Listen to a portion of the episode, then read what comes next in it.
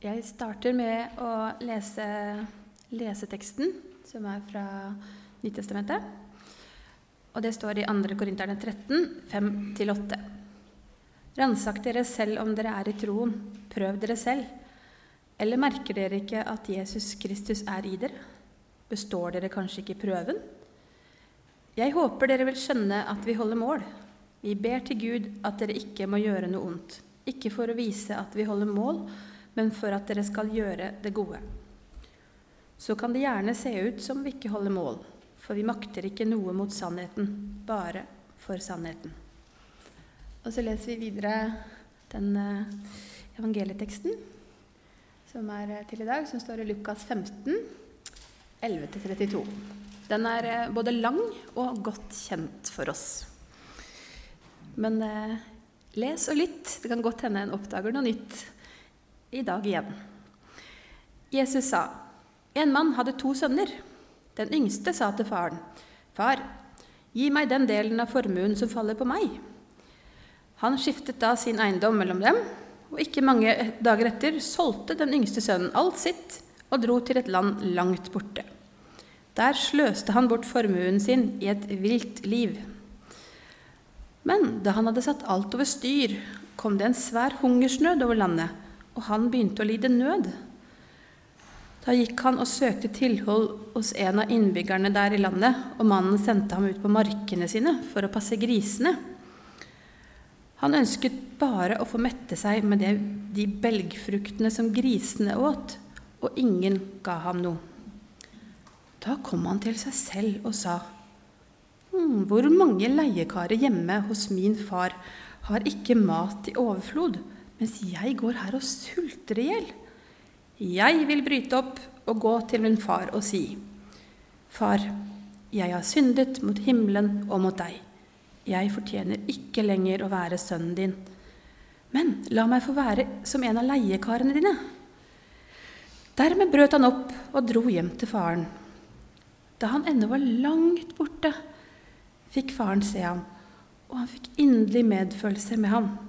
Han løp sønnen i møte, kastet seg om halsen på ham og kysset ham. Sønnen sa, Far, jeg har syndet mot himmelen og mot deg, jeg fortjener ikke lenger å være sønnen din. Men faren sa til tjenerne sine, Skynd dere, finn fram de fineste klærne og ta dem på ham. Gi ham ring på fingeren og sko på føttene og hent gjøkalven og slakt den, så vil jeg spise og holde fest. For denne sønnen min var død og er blitt levende, han var kommet bort og er funnet igjen. Og så begynte festen og gleden. Imens var den eldste sønnen ute på markene. Da han gikk hjemover og nærmet seg gården, hørte han spill og dans. Han ropte på en av karene og spurte hva som var på ferde. Din bror er kommet hjem, svarte han og din far har slakta gjøkalven fordi han fått ham tilbake i god behold. Da ble han sint og ville ikke gå inn. Faren kom ut og prøvde å overtale han, men han svarte faren, Her har jeg tjent deg i alle år, og aldri har jeg gjort imot ditt bud. Men meg har du ikke engang gitt et kje, så jeg kunne holde fest med vennene mine. Men straks denne sønnen din kommer hjem, han som har sløst bort pengene dine, eh, sammen med horer, da slakter du gjøkalven for ham. Faren sa til ham, 'Barnet mitt, du er alltid hos meg, og alt mitt er ditt.' Nå må vi holde fest og være glade, for denne broren din var død og er blitt levende. Han var kommet bort og er funnet igjen. Ehm, denne fortellingen om den eh, bortkomne eller hjemkomne sønnen, det er en herlig fortelling. Jeg har faktisk alltid likt den veldig godt. Men jeg skal ikke bruke så veldig mye tid på den i dag. Men alle sammen har hørt denne fortellingen utlagt flere ganger med forskjellige vinkler. Men fra den her i dag så vil jeg at vi skal ha i bakhodet denne faren. Faren som sender sin sønn av gårde, kanskje med smerte, og som venter, og som ønsker ham velkommen hjem med kjærlighet og glede. Og så er det sønnen, som ikke er fornøyd med å bo hos faren sin. Han drar bort, sløser og herjer og lever et vilt liv. helt til han kommer til seg selv. Han tar et oppgjør med livet sitt, vender om og drar hjem, der han ber til sin far, eller ber faren om å få komme tilbake. Det er jo faktisk en eh, perfekt illustrasjon på bot, bønn og tilgivelse. Og det er jo bots- og, bøde, be, bots og bønnedag i dag. Um, som sagt, jeg skal ikke dvele noe mer, særlig mer ved den historien her. For i dag eh, så måtte jeg ta på meg diakonskjorta mi. Vi hadde eh, For noen uker siden så sa Kjetil at det var ledig denne søndagen her for taler. Og da eh, fikk jeg eh, Ja, da kom det en sånn utfordring som jeg, jeg kom på en utfordring som vi har fått fra Norges kristne råd. Det var en dame som var i diakon og, nei, preste- og diakonmøte, heter det. Jeg kaller det diakon- og prestemøte i Delk. Um, og hun snakka om global uke mot moderne slaveri. Og der er det et sånn opplegg eh, som, er, som, eh, flere kirker er med på, og de har lagd et opplegg. Eh, og så tenkte jeg at eh, ok, jeg, som diakon så skal man være litt modig. Så nå tenkte jeg at det passa greit å ha om dette her. Det er et sånn lite hefte som blant annet som dere kan få på veien ut. Um, uh, jeg føler meg ikke så høy i hatten her jeg står nå, for det er tunge ting jeg skal belyse og snakke om. Men vi går i gang allikevel. Jeg er litt redd for at det skal bli for søkt, at man prøver å passe inn eh, bibelteksten til det man skal si. Men faktisk så syns jeg at det gjorde det denne gangen her også. Gud, vår far, han vet best, eh, vet hva som er best for jorda og for oss mennesker som bor her. Han vet hva han skapte oss til. Godhet og fred, både med ham og hverandre.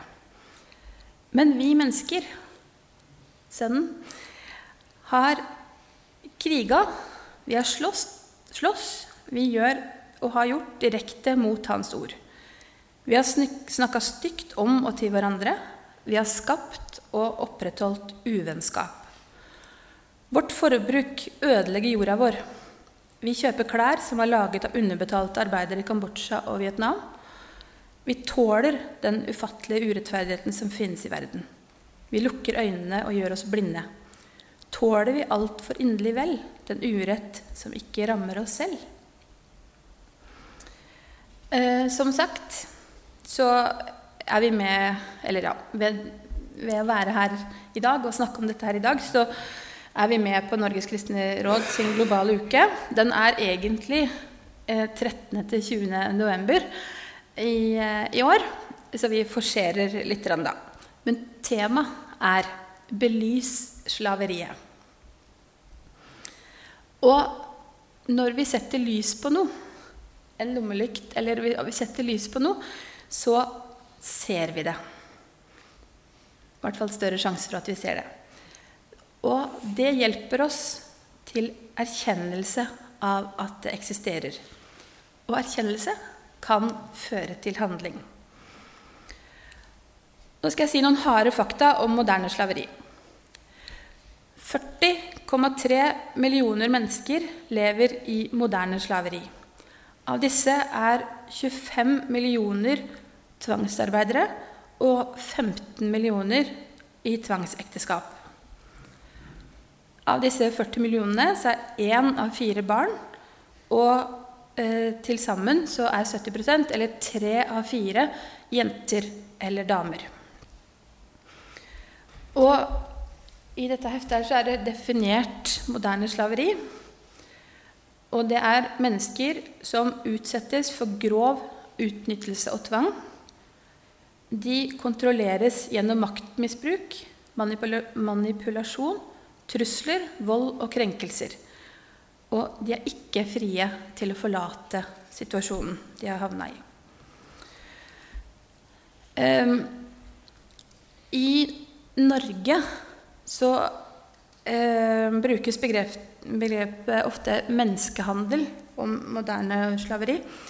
Og det er en juridisk bestemmelse i straffeloven. Og i Norge er det stort sett etterspørsel etter seksuelle tjenester og billig arbeidskraft.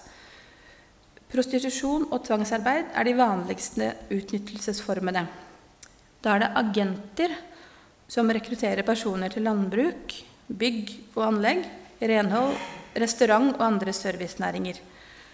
Eller forleder eller tvinger kvinner og jenter og menn og gutter inn i prostitusjon og seksuell utnyttelse.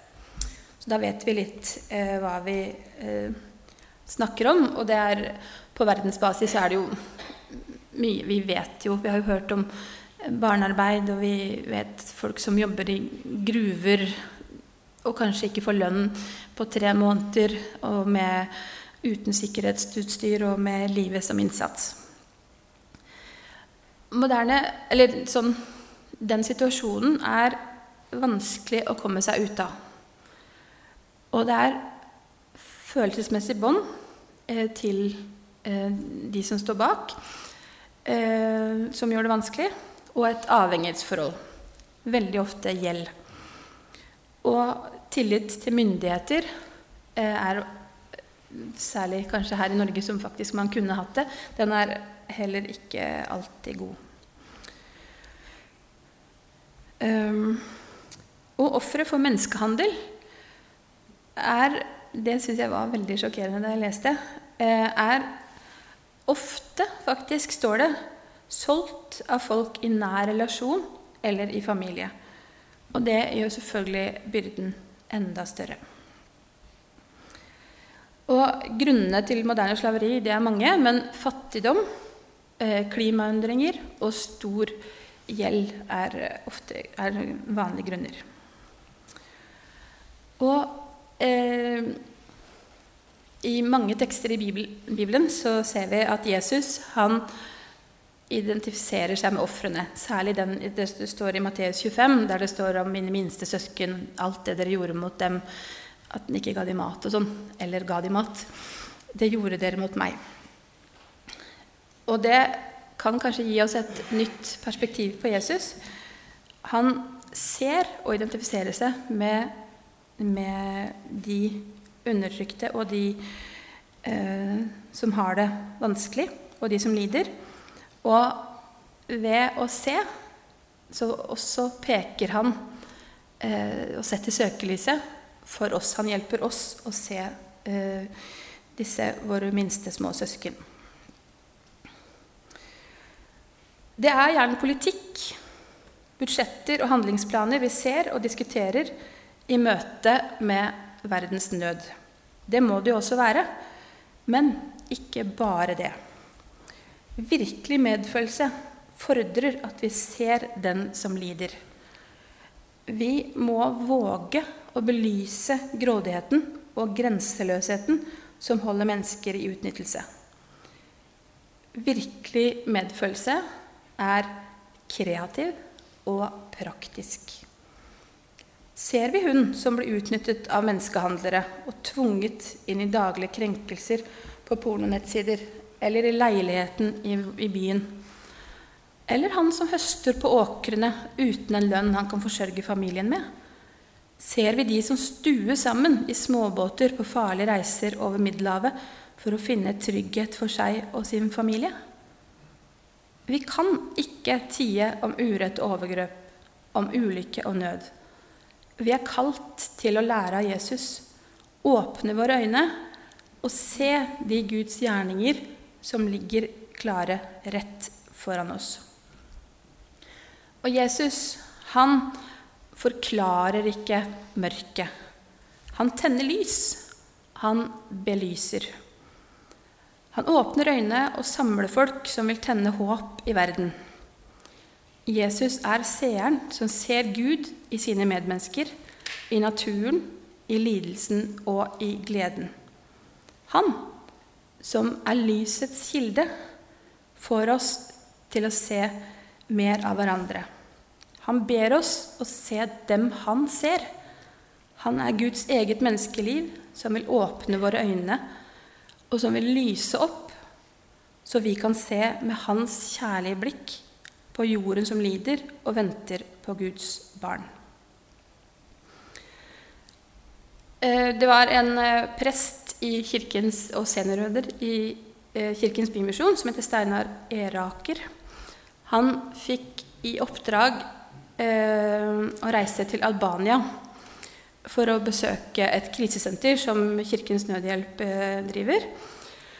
Det var for kvinner eller jenter som hadde returnert til hjemlandet sitt eh, etter å ha flykta fra livet, liv, fra livet som offer for menneskehandel. Og Der møtte jeg mange kvinner, eller jenter, sier han, siden mange av de var under 18 år.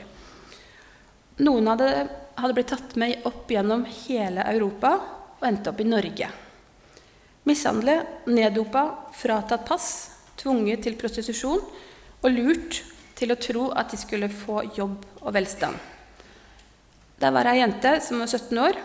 Hun hadde klart å rømme fra sine overgripere i Norge. Og så hadde hun kommet seg helt tilbake til Albania. Men hun kunne ikke reise hjem til sine foreldre. Og grunnen var at hun hadde blitt solgt for penger av sine foreldre. Både det faktum og at bakmennene var eksperter i å oppspore rømte jenter, gjorde det umulig for henne å vende hjem. Krisesenteret der hun bodde, eller der de bodde, var bevokta av væpnede vakter. Så sier han at 'jeg vet ikke åssen det gikk med hun. Jeg vet bare at Kirkens Nødhjelp fortsetter å støtte krisesenteret. Men jeg vet hvordan det går med en annen kvinne. Hun var fra Bulgaria og var i Norge hun òg, som offer for menneskehandel. Tvunget til prostitusjon, truet på eget liv. Uten et hjem. Hun ble rusavhengig, rusavhengig som resultat av et uutholdelig liv. Så ble jeg fanga opp av et tiltak for kvinner i Oslo. Første gang jeg, sier han Steinar Eraker, så henne, var hun sliten, utslitt, mager og tom i blikket. Kontrasten er stor til kvinnen jeg kjenner i dag. Ruskontroll, strålende i arbeid, ansvarsfull gledesspreder for første gang i eget hjem, nyforelsket, håpfull og fremtidsrettet. Det var hun sjøl eh, og hennes egen kraft som har brakt henne der hun er nå. Men hun ble inkludert da hun var helt nede. Ikke bedt om å forandre seg, men hun var med på å skape sin egen jobb og hadde tanker om hvordan hun kunne skape et eget hjem, sammen med andre i lignende situasjon.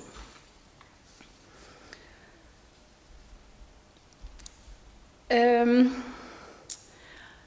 så kanskje en sitter her nå med en vond klump i magen.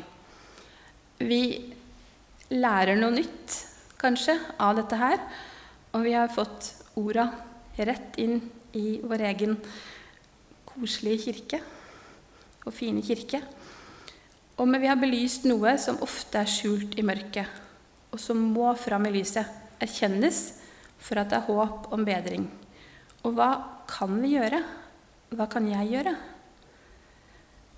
Om vi tar Jesu ord på alvor, alvor våger vi tro at Bibelens løfter om hans kraft fullendes i svakhet, at Hans nåde er nok for oss, at Han aldri slipper oss aldri svikter oss, da kan vi også våge å gjøre noe annerledes.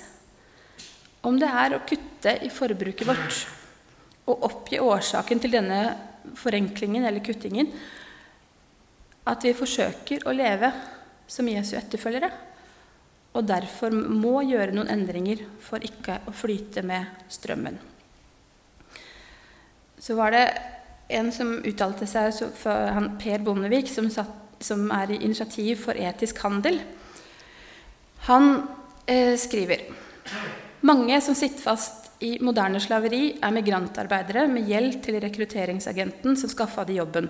Men noe kan gjøres. Så kom han med flere eksempler, men bl.a.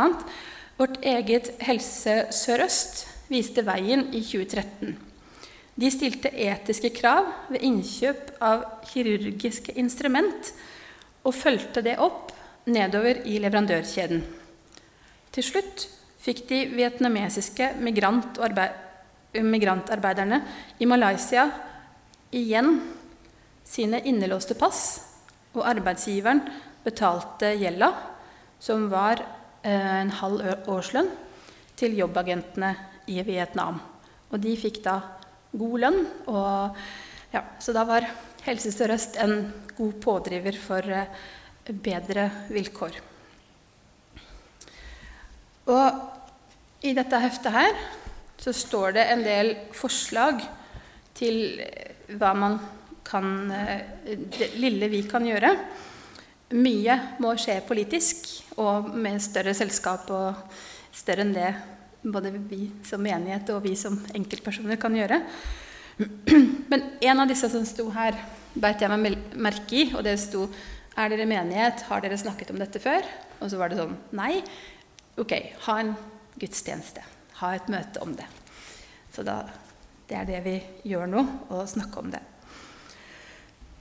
Eh, vi, selvfølgelig som menighet og enkeltmennesker, kan handle etisk produsert og rettferdig kaffe, klær og mat. Det er jo sånne merker som er eh, etiske og ja, rettferdig. Det vet vi alle. Det er godt, godt merka. Og vi som forbrukere kan kreve å få vite hvor og hvordan klærne våre er produsert. Det, da må vi nok godta at det koster litt mer, og at vi kanskje må kjøpe litt mindre. Et annet tips vi kan gjøre, som jeg vet skjer mye av her òg Vi kan, eh, for oss som driver mye med sånt, kan slå av skjermen på telefonen vår, og vi kan eh, gå avsides med ham.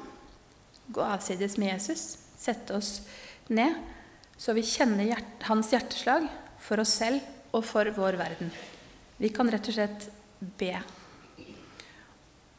og fra vårt sted i bønn og stillhet få bety en forskjell for de rundt oss. Og eh, jeg sa tidligere at eh, urettferdighet må kunne kreve kreativitet for å bekjempes. Og vi er forskjellige. Vi har alle våre måter eh, å gjøre det her på. Det er ikke én oppskrift. Men vi kan alle få komme hjem til en far som elsker og lengter oss lengter etter oss. Eh, da, når, siden vi er litt tidlig ute med dette her nå, så når det blir 13. Eh, til 20. november, så kommer det sikkert Jeg har ikke sjekka, men det kommer sikkert til å skje noen aktiviteter. Eller uh, kirkene i Tønsberg kommer sikkert til å ha noe. Det kommer til å skje uh, forskjellige ting. Støtt opp om det. Um, så tenkte jeg jeg var veldig spent, og jeg håpa å få et positivt svar. Og Andreas Johansson han er jo kjapp til å svare, så jeg skrev en melding til han og spurte om er det noen av våre prosjekter i misjonsprosjekter i Delk som eh, går på dette her med eh, menneskehandel og eh, moderne slaveri. Da eh, svarte han at Eh, den Sat7, som vi faktisk skal høre om litt etterpå, de lager en god del programmer om kvinners eh, situasjon. Og også en del av våre prosjekter går på utdannelse. Og utdannelse, kanskje særlig Eller for alle, men eh, særlig i, under pandemien så var det veldig mange jenter mellom 11 og 18 år som ikke fikk gå på skole. Og det å få jenter tilbake på skole nå, det er veldig, veldig viktig. Det er liksom Jeg tør ikke å si den, den viktigste, men en av de viktigste måter å komme ut av eh, fattigdom og moderne slaveri og eh, denne situasjonen, er utdannelse. Eh, prosjektet i Makase i Jerusalem de jobber mye med familievold og trafficking. Det er også da et Trafficking i menneskehandel. Det er et prosjekt som vi støtter.